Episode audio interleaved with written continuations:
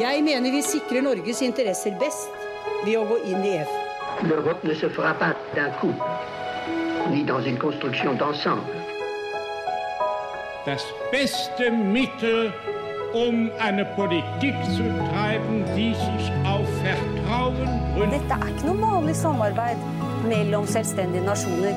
Dette er en sterk og dyp integrasjon. No, no,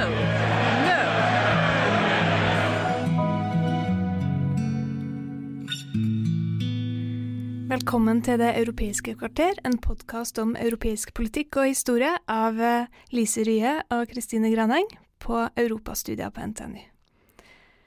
Det er mye som skjer i EU eh, om dagen eh, som en konsekvens av, av situasjonen i, i, Ukraina. Og vi har jo allerede snakka en del om det i, i podkasten, Lise. Men i dag så skal vi vende blikket litt tilbake til Norge, og se særlig på hva det her betyr for Norge. Og med oss i studio i dag så har vi fått en gjest. Pål Frisvold, velkommen. Hei, tusen takk. Veldig hyggelig å ha deg her. Veldig hyggelig å få være her. Du har jo vært på besøk hos eh, Eureka, linjeforeninga til Europastudia, i dag, ja. og fortalt om eh, karrieren din, og, og, hvordan man kan bruke kunnskap om EU i et arbeidsliv. Og vi må jo starte med å snakke litt om hvem du er, Pål. Eh, du har et stort engasjement for Europa og EU. Blant annet så har du vært leder av Europabevegelsen i Norge.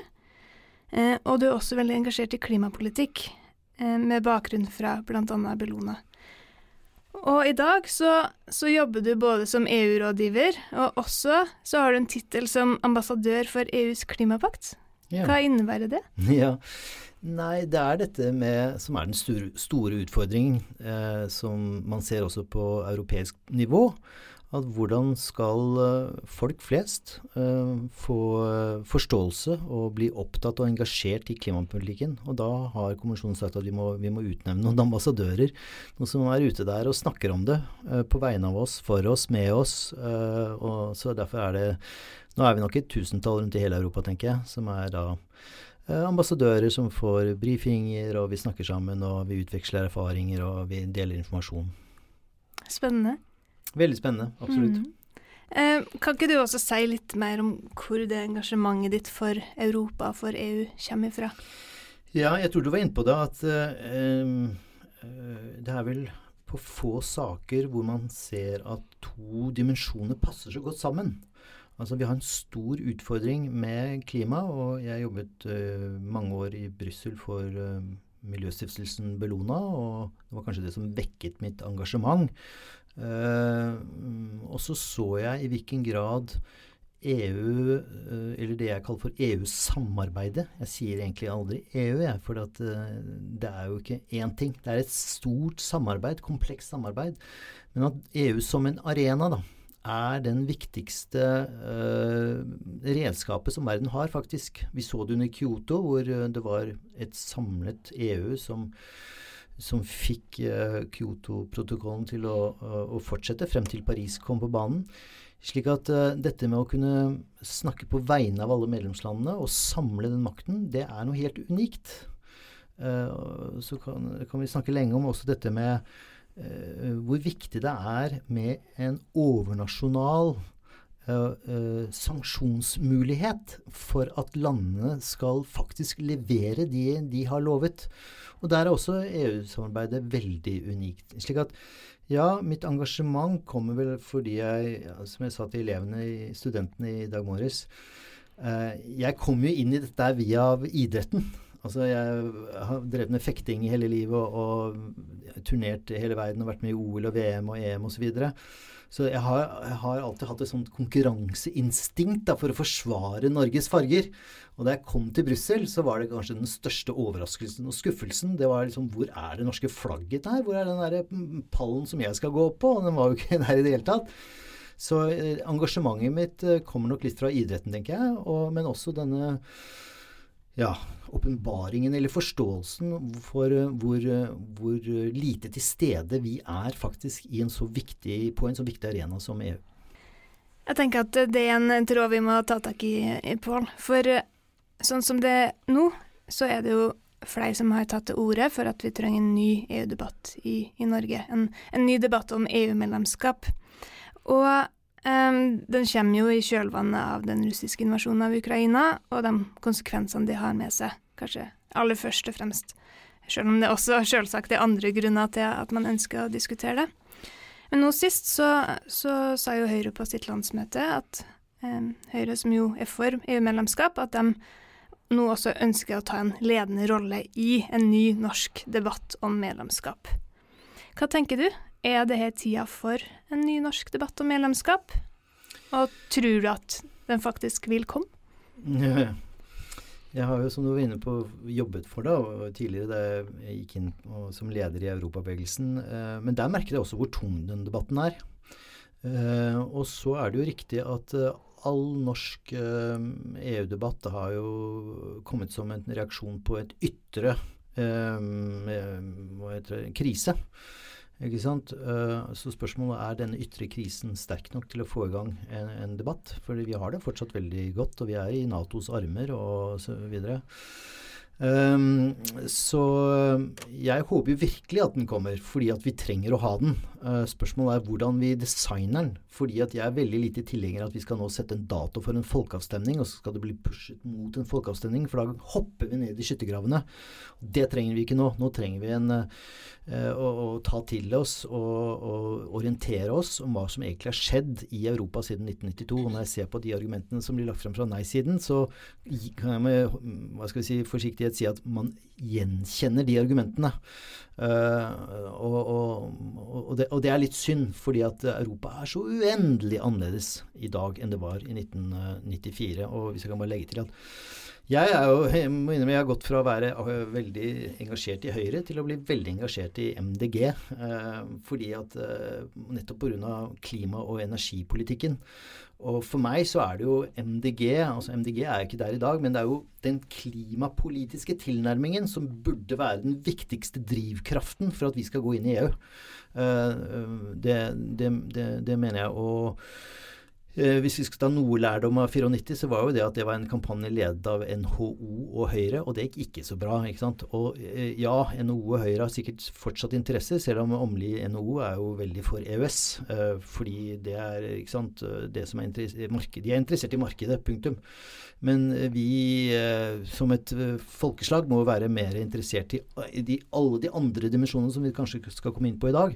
Og da tror jeg det er andre meningsbærere i samfunnet som kan gjøre større større nytte enn at det er akkurat Høyre som skal drive frem den, eh, den debatten. Så man trenger at andre aktører også kommer på banen for å få til en ordentlig debatt? Veldig. veldig. Og det må for guds skyld ikke bli noe sånn høyre-liberalistisk eh, eh, snikinnføring av markedsøkonomi, for det er det absolutt ikke. Så jeg håper at Høyre besinner seg, og at NHO også besinner seg, og at vi må få, vi må få andre aktører. Altså Fagbevegelsen eh, blir veldig viktig. Eh, miljøbevegelsen, altså, men, altså hele bistandssystemet altså, det, det, er vel ikke en sektor i vår økonomi som ikke er berørt av eh, EU-samarbeidet. Og alle har vi den samme tilnærmingen. Først er vi, må vi det. Eh, hvorfor skal vi Og så ser vi, går vi litt inn i det. En av de største motstanderne av EU-medlemskap var jo Kjell Magne Bondevik. Han kom til meg i Brussel for tre år siden så det var liksom Pål, kan du ta med meg rundt?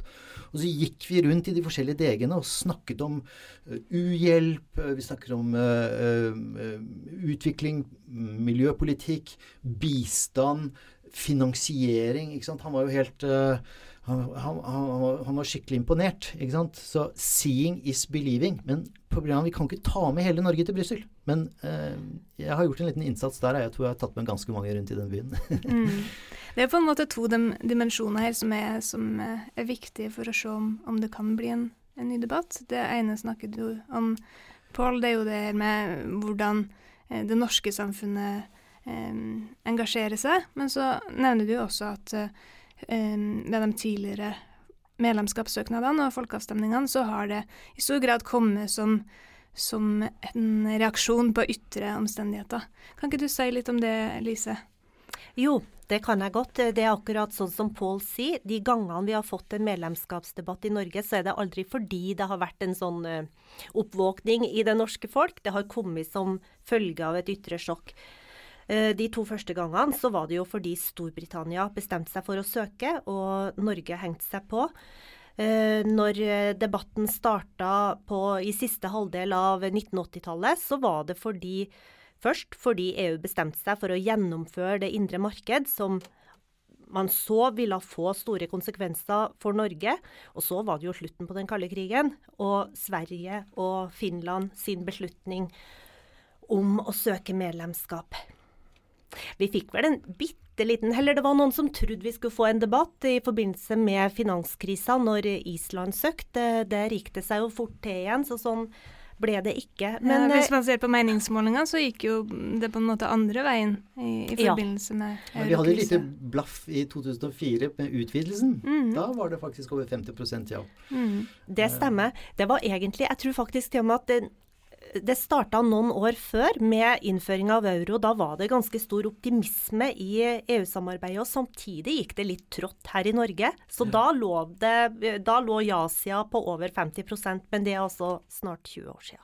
Så har det jo gått Det er jo mye som har gått trått for EU de siste, siste 10-15 årene, og det har jo de norske meningsmålingene eh, reflektert òg, men det er langt færre som er mot et norsk medlemskap i dag enn hva det var når finanskrisa sto på som verst, eh, ja. i den grad det betyr noe, da. Mm. Så det er noen tegn i tida på at uh, opinionen er i ferd med å endre seg, men, ja. men spørsmålet er jo om det her ytre sjokket er stort nok, om omstendighetene har endret seg nok til at man får en reell medlemskapsdebatt. Ja, men hvis ikke det her sjokket er stort nok, hva er det da som må til, da?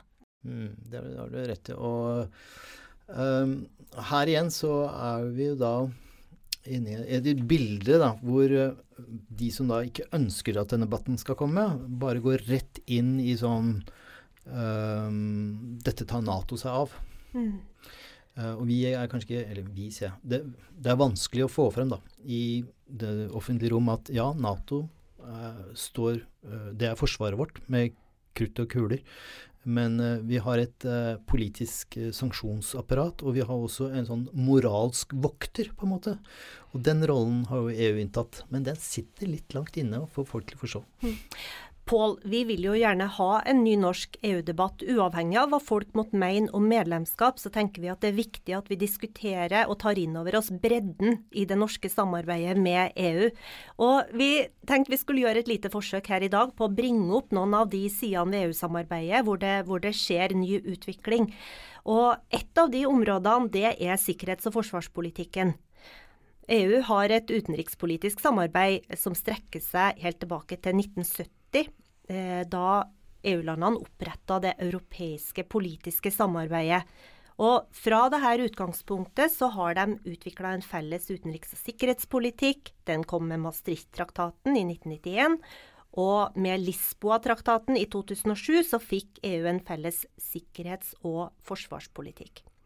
Så er det sånn at EU er samtidig ingen sterk sikkerhetspolitisk aktør. I alle fall ikke om vi tenker på sikkerhetspolitikk i tradisjonell forstand, som evnen til å forsvare eget territorium mot angrep utafra. Så spørsmålet mitt til deg blir vil vi se en endring på dette området nå, med den satsinga som går under navnet EUs strategiske kompass. Kan du, kan du fortelle litt, våre litt om hva EUs nye satsing på forsvars- og sikkerhetspolitikk går ut på? Ja. Uh, vi skal huske på at uh, dette felles forsvarspolitikken, altså det som heter PESCO, uh, som er en politisk plattform for forsvarspolitikk, ble jo etablert lenge før Ukraina-krigen. Eh, det ble etablert fordi at man ønsket å ha en felles kommandostruktur. Altså, hva er det som er så unikt med Nato? Det er artikkel 5, hvor én for alle, alle for én, men også at de har en felles Alle adlyder amerikanske ordre. Det har vi ikke i Europa. Så det er det ene, at man så behovet for det. Um, og det har nå skutt selvfølgelig fart.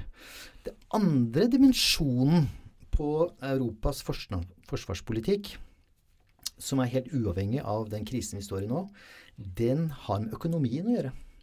Fordi vi ser at når Jens Stoltenberg går ut og sier at Nato krever at alle land bruker 2% av bruttonasjonalprodukt på forsvarsutgifter, hvor går de pengene?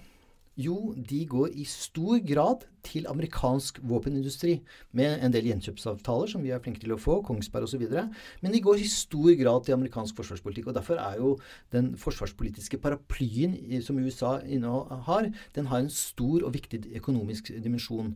Og så ser vi, hvis vi tar den litt lengre, da, eh, så er det veldig interessant å se på hele Silicon Valley og det oppstarts-big tech-miljøet som finnes i USA, både i California, men i mange andre stater, dette er i stor grad offspinn av forsvarsindustrien.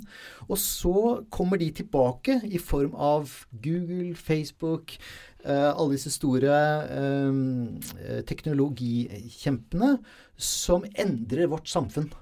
Uh, de fjerner skatteinntekter, de klarer å manipulere demokratiene våre. Uh, de uh, reduserer inntektsbasen for lokalmedia osv. Slik at her er det Vi må begynne å se liksom hvordan, disse, hvordan alt dette henger sammen. Dette har EU sagt. dette har EU sett. Og, og, og derfor sier de, vet du hva Vi må nå begynne å kanalisere budsjettene som vi bruker på forsvar, på vår egen forsvarsindustri. Så det handler ikke bare om eh, tradisjonelt forsvar, det handler om økonomi, og det handler om utvida, en utvida forståelse av sikkerhet. Ja, og så når du snakker om uh, dette uh, kompasset, strategiske kompasset, så er jo det også uh, Ikke sant, det er Dette kom jo fordi at, som vi snakket om i dag med studentene, på området utenriks-, forsvars- og sikkerhetspolitikk fins det ingen felles politikk. Det er ingen felles kompetanse. altså Medlemslandene har ikke avgitt sin suverenitet. Tvert imot, de tviholder på den suvereniteten. Så det vil si at hvis EU skal ha en felles holdning til Kina, til Russland osv., ja, så har du alltid noen økonomiske interesser i Hellas eller Italia som ikke vil sanksjonere Kina. Du har Orban som ikke vil sanksjonere Slik at hvordan og da har EU sagt ok, eh, vi kan ikke gjøre endringer i traktaten, for det vil ikke gå igjennom. Da må det være folkeavstemning osv. Men det vi kan gjøre, det er å bygge opp kompetansen og forståelsen. Eh, og sakte, men sikkert får forståelse for at vi må snakke med én stemme. Hva kan denne utviklinga bety for Norge? Ja, altså Vi skal være kjempeglade for Jens Stoltenberg. For hva er det Jens har gjort eh, etter at han kom til Brussel? Jo, han har faktisk bygget en bro mellom EU og Nato. Vi skal huske på, Du nevnte felles utenriks- og sikkerhetspolitikk. og Det er noe som heter artikkel 42-7 i Lisboa-traktaten. Og ganske interessant, en liten parentes, hva var det den finske og den svenske statsministeren gjorde med en gang dette begynte å blåse opp? De sendte et brev til alle medlemslandene, eller til eh, presidenten i EUs råd, og sa at husk!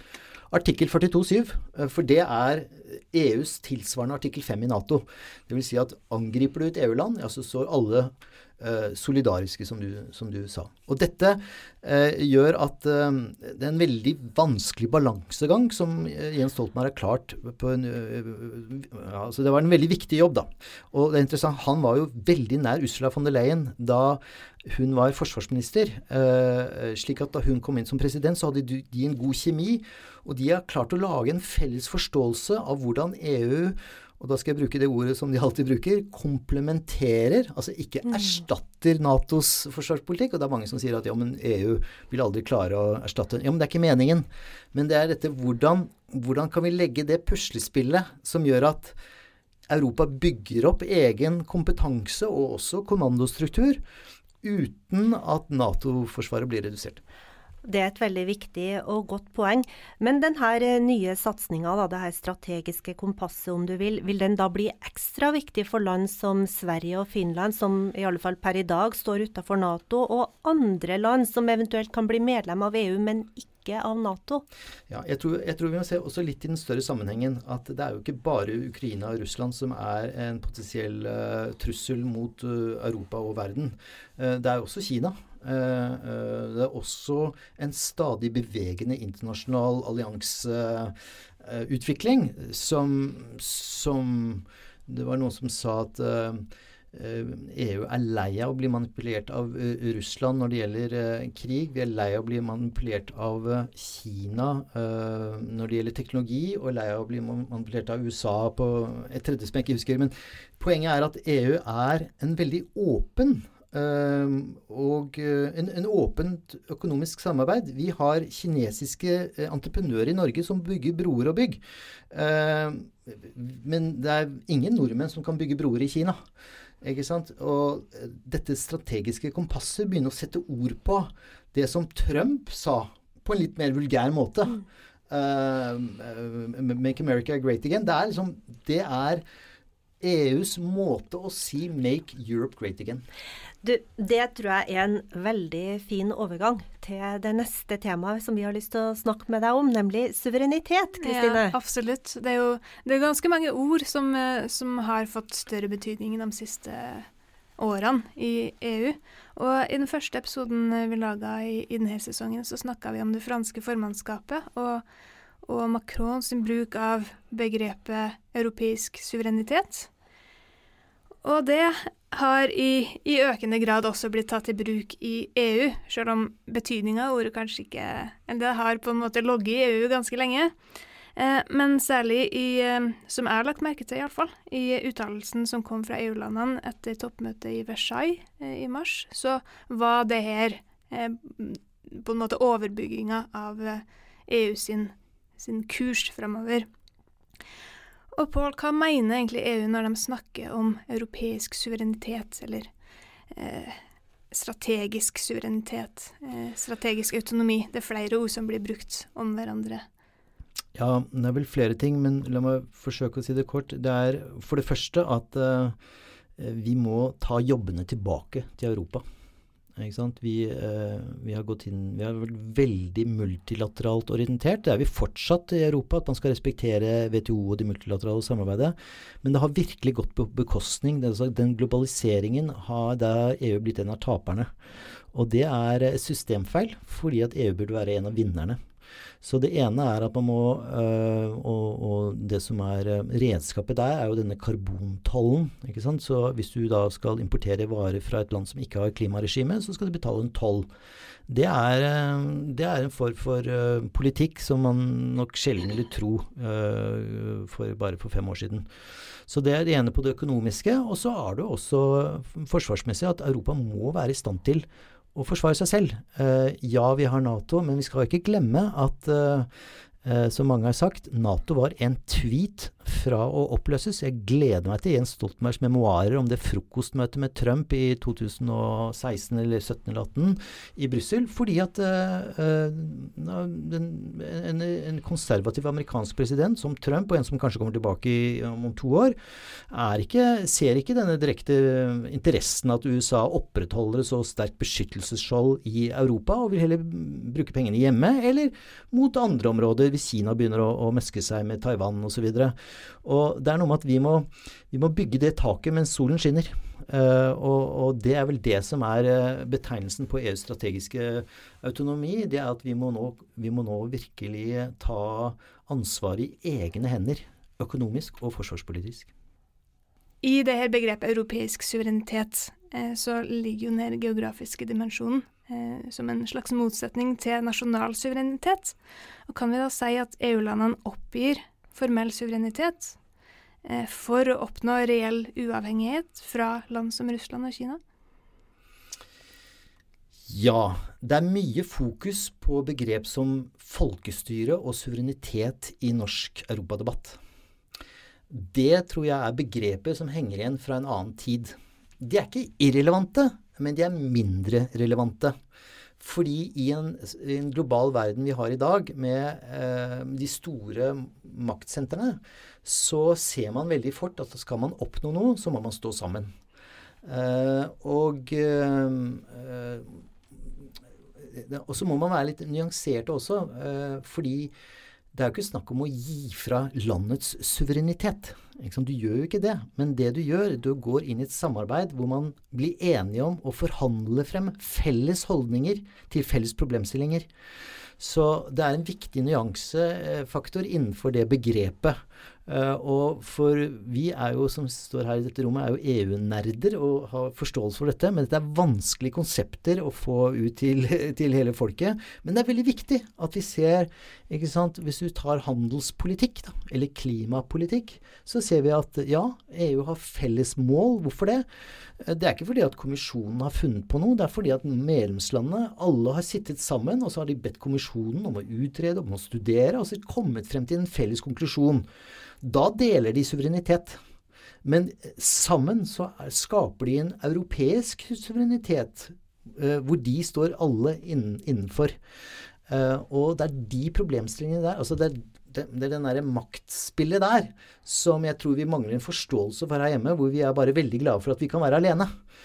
Uh, men vi er det blir, det, det blir vanskeligere og vanskeligere å stå alene som vi er i denne komplekse, konkurranseutsatte verden vi lever i. Men um, vi er jo heller ikke alene i Norge om, om å, å, tenke på suverenitet på den måten. Uh, og um, en ting jeg syns er interessant, er jo på en måte at, at Macron gjennom, gjennom uh, å ta i bruk det her begrepet forsøker å gi det en ny betydning. Ja. Lykkes det, tenker du?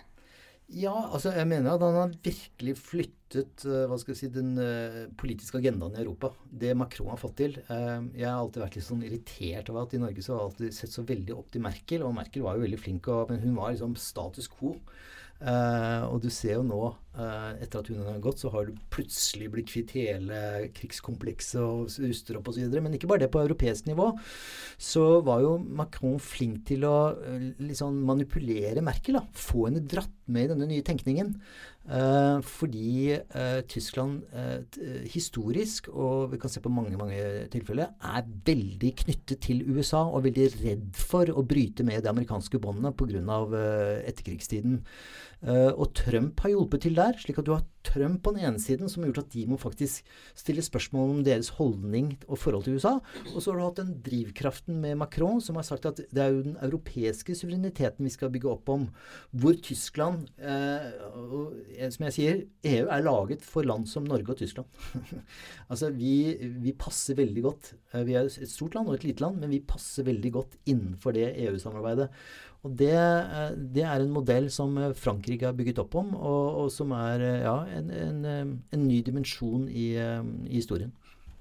Ja, Pål, vi hadde jo veldig mye vi hadde lyst til å snakke med deg om i dag. Det skjer jo mye òg. Et av de områdene er på energi. Eh, vi er jo bekymra over EUs avhengighet av russisk energi.